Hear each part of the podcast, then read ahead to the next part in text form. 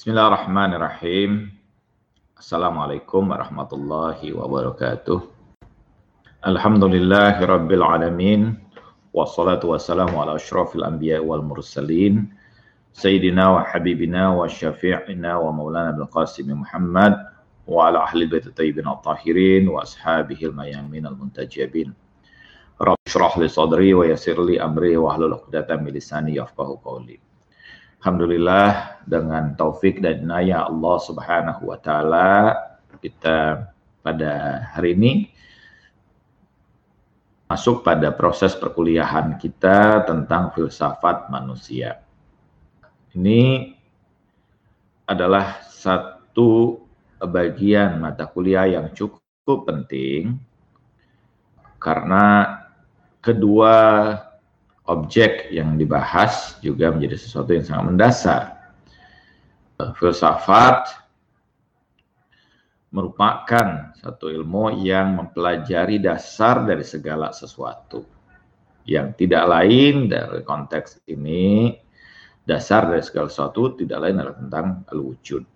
Bima huwa wujud. Wujud sebagaimana bahwa dia sebagai wujud. Atau dalam konteks bahwa dia sebagai eksistensi ini pembicaraan dalam konteks filsafat. Karena itu bahwa dasar dari segala ilmu pengetahuan sebenarnya tidak lain adalah filsafat. Filsafat berbicara tentang hal-hal yang paling mendasar. Umumnya pembicaraan tentang filsafat itu berkisar tentang eh, ontologi, epistemologi, aksiologi, eskatologi, ya psikologi, filosofis. Ini uh, pembicaraan-pembicaraan dalam konteks filsafat. Nah, bahwa pada kesempatan ini kita berbicara tentang filsafat manusia, jadi objek pembahasan kita itu adalah manusia dengan melalui perspektif atau pendekatan filsafat. Ini sesuatu hal yang tentu artinya kita berbicara pada tentang manusia dalam hal yang mendasar terkait dengan manusia tersebut. Jadi memang selama ini umumnya kita sadar sudah sebagai manusia. Tetapi kita sendiri sering kali tidak memahami apa itu manusia atau kenapa manusia ini hadir, apa tujuan kehadirannya, seperti apa hal-hal yang luar biasa pada diri manusia ini. Ini hal-hal yang mendasar yang tentu menjadi hal yang penting untuk kita bicarakan. Artinya selama ini sering kali secara umum kita hanya menyadari bahwa diri kita sebagai manusia hanya pada tingkat yang seperti itu. Tetapi apa itu manusia? Mengapa itu manusia? Ini menjadi satu hal yang mendasar yang kita perlu kemudian e, bicarakan. Nah, filsafat dalam konteks ini tentu melihat manusia bukan hanya sebagai satu wadah, satu jasad yang hidup seperti kemudian umumnya makhluk-makhluk yang lain ya. Filsafat berbicara tentang manusia dalam perspektif yang lebih mendasar dari sekedar itu ya. Jadi karena itu banyak para filosof membicarakan atau membincang tentang, tentang manusia ini karena memang manusia ini sebagai objek yang sangat luar biasa, mendasar sekali. Ketika didefinisikan secara umum kita atau logika memaknai manusia itu sebagai al-insan haywanun natik. Manusia sebagai hewan yang punya natik, punya akal, punya, mampu berpikir. Ini tentu dalam konteks uh, definisi uh, dari ilmu mantik Kenapa didefinisikan demikian? Karena upaya untuk kemudian mencari mencari pemanaan terhadap nau. Nau itu terhadap spesies yang disebut sebagai manusia ini al-insan. Apa genusnya yang meliputi dirinya dengan bentuk atau dengan dengan makhluk yang terdekat dengan dirinya, yang meliputi dirinya, yang masuk dalam satu genus yang sama, yang tidak lain bahwa dia sama-sama memiliki raga, punya dorongan atau keinginan dan dapat bergerak berdasarkan keinginan itu. Jadi karena itu bahwa makhluk dalam konteks yang seperti ini lah yang kemudian uh, dimaknai sebagai hewan. Karena hewan itu maknai hewan itu sebagai jismun mutaharrikun bil irada. Raga yang bergerak dengan keinginan. Jadi pada tingkat hewani hewan itu bergerak berdasarkan dia memiliki keinginan, ada dorongan keinginan untuk makan, keinginan untuk mencari makanan atau keinginan untuk bereproduksi dan sebagainya. Jadi ini pada tingkat hewan dalam konteks genus ini dia masuk dalam genus yang sama ya dengan baik dari konteks dengan gajah, dengan kuda, dengan tikus, dengan harimau dan sebagainya dalam konteks genusnya ya. Tetapi bahwa manusia memiliki perbedaan dengan hewan-hewan atau dengan binatang-binatang yaitu diferensialnya yang membedakannya atau fasalnya itu tidak lain adalah nautik. Kemampuan berpikirnya punya akalnya.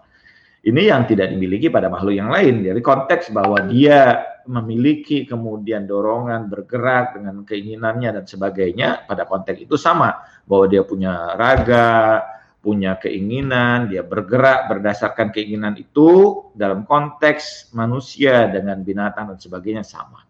Tetapi bahwa yang membedakannya bahwa dia manusia memiliki akal yang dengan itu dia berpikir, dia membuat peradaban, dia menciptakan beragam kreasi yang sangat luar biasa, menundukkan eh, makhluk-makhluk uh, selain daripada dirinya. Ini kemudian dimanailah sebagai apa manusia. Tetapi definisi ini adalah definisi berdasarkan konteks logika, ilmu mantik. Nah, Apakah manusia ini dapat dipahami hanya berdasarkan kemudian definisi yang singkat itu? Tentu tidak. Kenapa? Karena manusia begitu kompleksnya. Diri manusia, diri manusia ini begitu kompleks yang sangat luar biasa. Sangat banyak sekali dimensi-dimensi yang luar biasa pada diri manusia ketika saya berbicara seperti ini saja, misalnya bahwa Anda segera memahami apa yang saya sampaikan. Walaupun yang saya sampaikan itu sebenarnya tidak lebih dari bunyi-bunyian saja. Yaitu bahwa hembusan udara yang keluar dari saya melewati tenggorokan saya keluar, kemudian itu membentuk suara. Suara itu kemudian eh, dimaknai dengan kemudian huruf, huruf membentuk kata, kata membentuk kalimat, kalimat kemudian memberikan makna. Atau setiap kata memberikan makna. Sehingga membentuk kalimat, membentuk satu konsep tertentu. Kemudian kita serap itu dengan sangat cepat ya, tanpa harus kemudian mengeja satu persatu terlebih dahulu dia masuk ke dalam diri kita dan kemudian diproses untuk kita pahami dengan waktu yang sangat singkat, sangat luar biasa ya.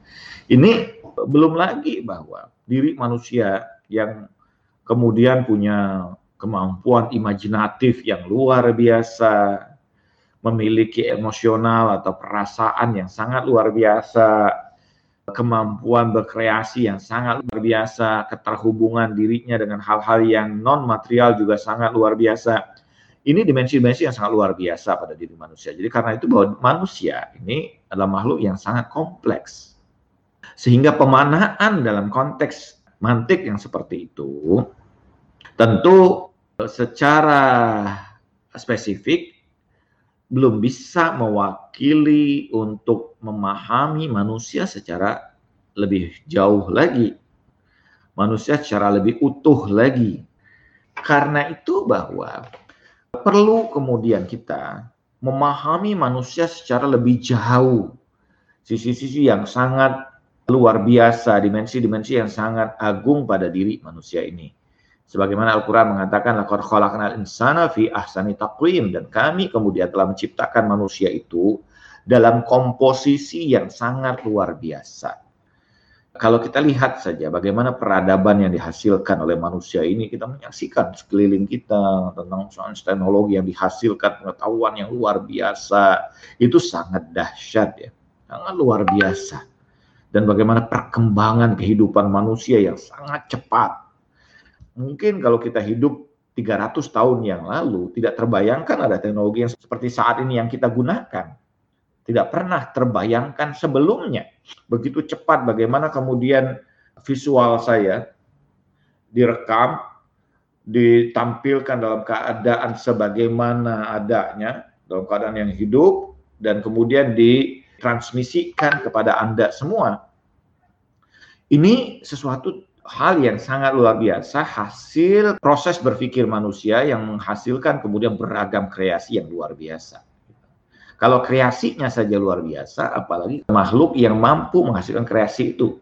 Dan tentu apalagi penciptanya jelas saja. Ini satu gambaran ya pada kita. Nah, manusia juga memiliki beragam persoalan pada kehidupannya.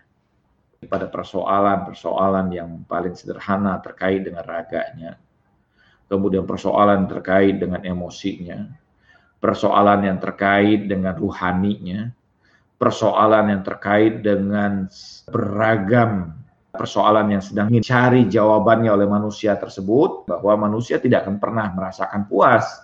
Ada dorongan-dorongan pada diri manusia untuk terus zusyur ya, memiliki rasa dorongan untuk mencari tahu, mencari jawaban atas seluruh persoalan-persoalan yang terjadi pada kehidupannya. Di kehidupan kita menampilkan kemudian beragam persoalan yang kita mencari berusaha terus untuk mencari jawaban-jawaban atas beragam persoalan yang terjadi secara terus-menerus di sekeliling kita. Ya. Dan kita memecahkan beragam persoalan-persoalan terjadi itu, kita mendapatkan pengetahuan-pengetahuan yang luar biasa. Karena itu misalnya dalam hadis katakan likulidain dawa pada setiap penyakit itu Allah turunkan obatnya juga. Jadi setiap persoalan yang terjadi Allah Subhanahu wa taala mendorong manusia untuk mencari jawaban atas persoalan-persoalan itu sehingga menimbulkan beragam perkembangan pengetahuan yang sangat luar biasa pada kehidupan manusia ini. Jadi kalau kita lihat bagaimana kemudian kehidupan yang kita alami sekarang itu setelah manusia melewati beragam persoalan dan sebagainya. Dulu mungkin orang menunaikan ibadah haji, perjalanan panjang melewati gurun Sahara dan sebagainya sehingga menimbulkan dorongan untuk berpikir bagaimana upaya menciptakan satu bentuk transportasi yang bisa memberikan meringkas waktu yang ada dengan kecepatannya, memberikan rasa nyaman kepada orang tersebut yang kemudian gunakan transportasi tersebut, bukan lagi binatang yang kemudian ter, sangat terbatas. Binatang kan tentu ada rasa dahaganya, ada sakitnya dan sebagainya. Tapi mungkin ada bagaimana menciptakan kemudian teknologi yang dapat mengantarkan manusia dari satu tempat pada tempat yang lain dengan percepatan waktu. Nah, kalau kemudian ini di darat misalnya melewati perjalanan dan sebagainya, itu tentu waktu yang ditempuh juga masih menjadi panjang. Bagaimana kemudian menciptakan teknologi yang mampu mengantarkan manusia dari satu tempat ke tempat yang lain melewati udara.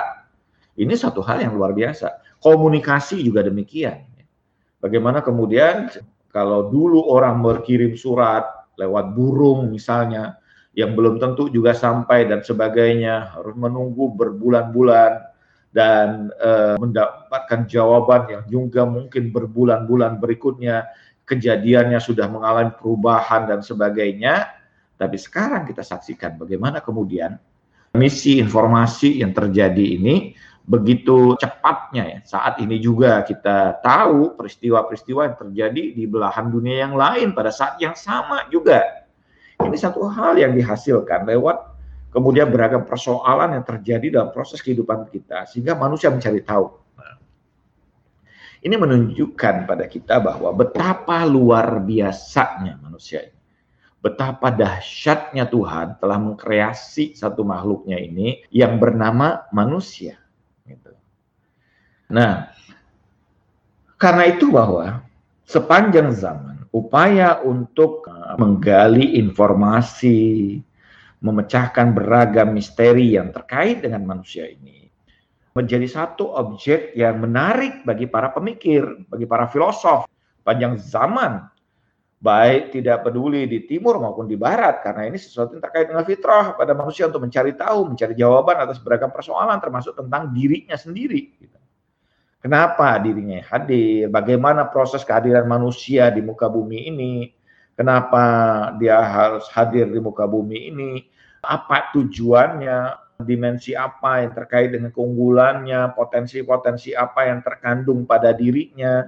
bagaimana dia mampu mengolah potensialitas itu, bagaimana kemudian dia sampai pada apa tujuan dari proses kehidupan dia di dunia ini.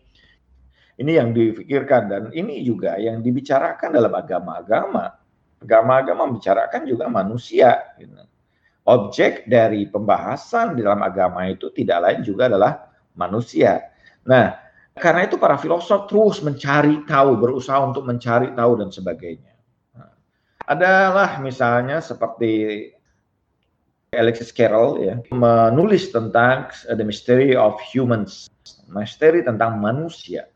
Dan dia menyimpulkan bahwa manusia itu adalah makhluk spiritual yang terperangkap pada alam material.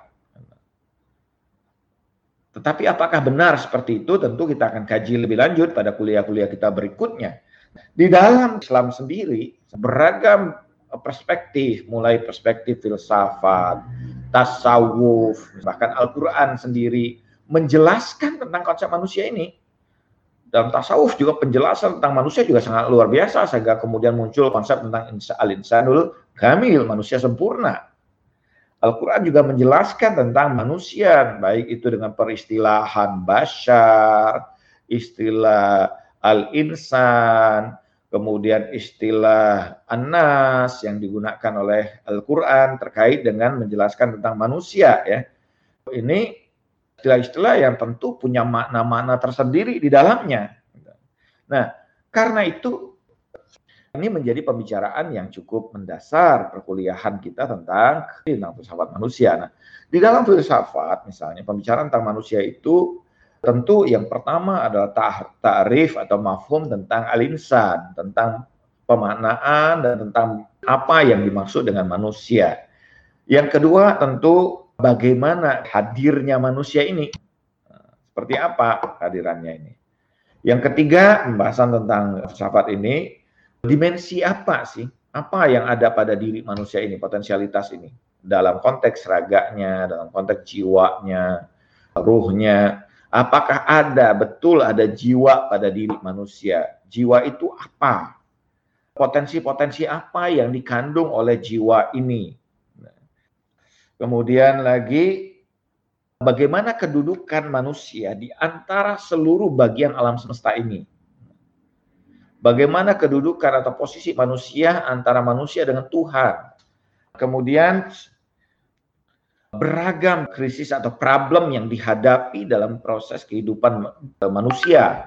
Problem-problem mendasar, problem eksistensial pada kehidupan manusia. Kemudian juga bahwa kesempurnaan yang seperti apa yang mampu dicapai oleh manusia. Apa yang dihasilkan kreasi, bagaimana kreasi manusia dalam kehidupan ini dan apa kesempurnaan yang bagaimana yang bisa dicapai oleh manusia. Apakah manusia ini kehidupannya terbatas hanya pada alam material di dunia ini saja, ataukah kehidupan manusia itu akan terus kemudian melakukan perkembangannya pada tahap-tahap kehidupan yang lain. Ini semua menjadi bagian dari pertanyaan-pertanyaan atau topik-topik yang akan kita bahas dalam kuliah kita tentang filsafat manusia ini. Jadi kalau kita melihat tentang pembicaraan tentang filsafat manusia, betapa ini menjadi sesuatu hal yang mendasar untuk mendalami persoalan-persoalan tentang manusia itu sendiri yang memerlukan jawaban. Nah, dalam kuliah kita tentu saja kita fokus pada pembicaraan dalam konteks filsafat manusia dalam pandangan Islam ya atau dalam pandangan filsafat Islam. Dan ini dapat kita rujuk kepada beragam kitab-kitab yang cukup penting. Misalnya Anda bisa merujuk pada Al-Asfar, Al-Aqiyah, Al-Aqliyah, Al-Arba'ah ya. Pembicaraan tentang nafs, tentang pembicaraan tentang kiwa, daya-daya, tentang keabadian manusia dan sebagainya. Juga dapat Anda dapatkan misalnya pada beragam kitab-kitab yang lain, misalnya seperti Mutahari juga membicarakan tentang manusia ya, tentang manusia sempurna atau perfect man ya. Atau ada fitrah, misalnya bukunya tentang fitrah, manusia dan sejarah. Atau ada juga buku yang ditulis oleh Safdar Ilahi Rod, ini ada Insan Snosi tentang pengetahuan tentang manusia ya atau ada self knowledge ditulis oleh Muhammad Ali Somali. Ada lagi William James misalnya juga membicarakan Varieties of Religious Experiences ya. Beragam pengalaman spiritual, beragam pengalaman keagamaan yang dihadapi oleh manusia ya. Seto juga menulis karya tentang krisis manusia modern misalnya. Itu karya-karya, ada banyak lagi karya-karya yang bisa kita jadikan rujukan dalam pembahasan kita tentang manusia ini. Nah, jadi itu nah kita akan lanjutkan proses perkuliahan kita pada minggu yang akan datang tentang berbicara pencarian makna, the seeker of meaning of human being ya. Bagaimana proses pencarian makna atau bagaimana memaknai tentang manusia ini. Beragam makna yang mungkin kita dapatkan, beragam definisi yang kita bisa elaborasi terkait dengan apa itu manusia. Itu kita akan bicarakan pada pertemuan kuliah kita kedua, insya Allah. Mohon Anda apa yang saya sampaikan pada kesempatan ini dapat ditulis ya di resume tentang proses perkuliahan kita tentang filsafat manusia. Dan ini menjadi satu mata kuliah yang cukup penting di kampus kita untuk membicarakan tentang manusia ini. Karena seluruh filosof, seluruh pemikir ini berusaha untuk menjelaskan manusia. Kenapa terjadi krisis kemanusiaan, krisis kemanusiaan itu seperti apa.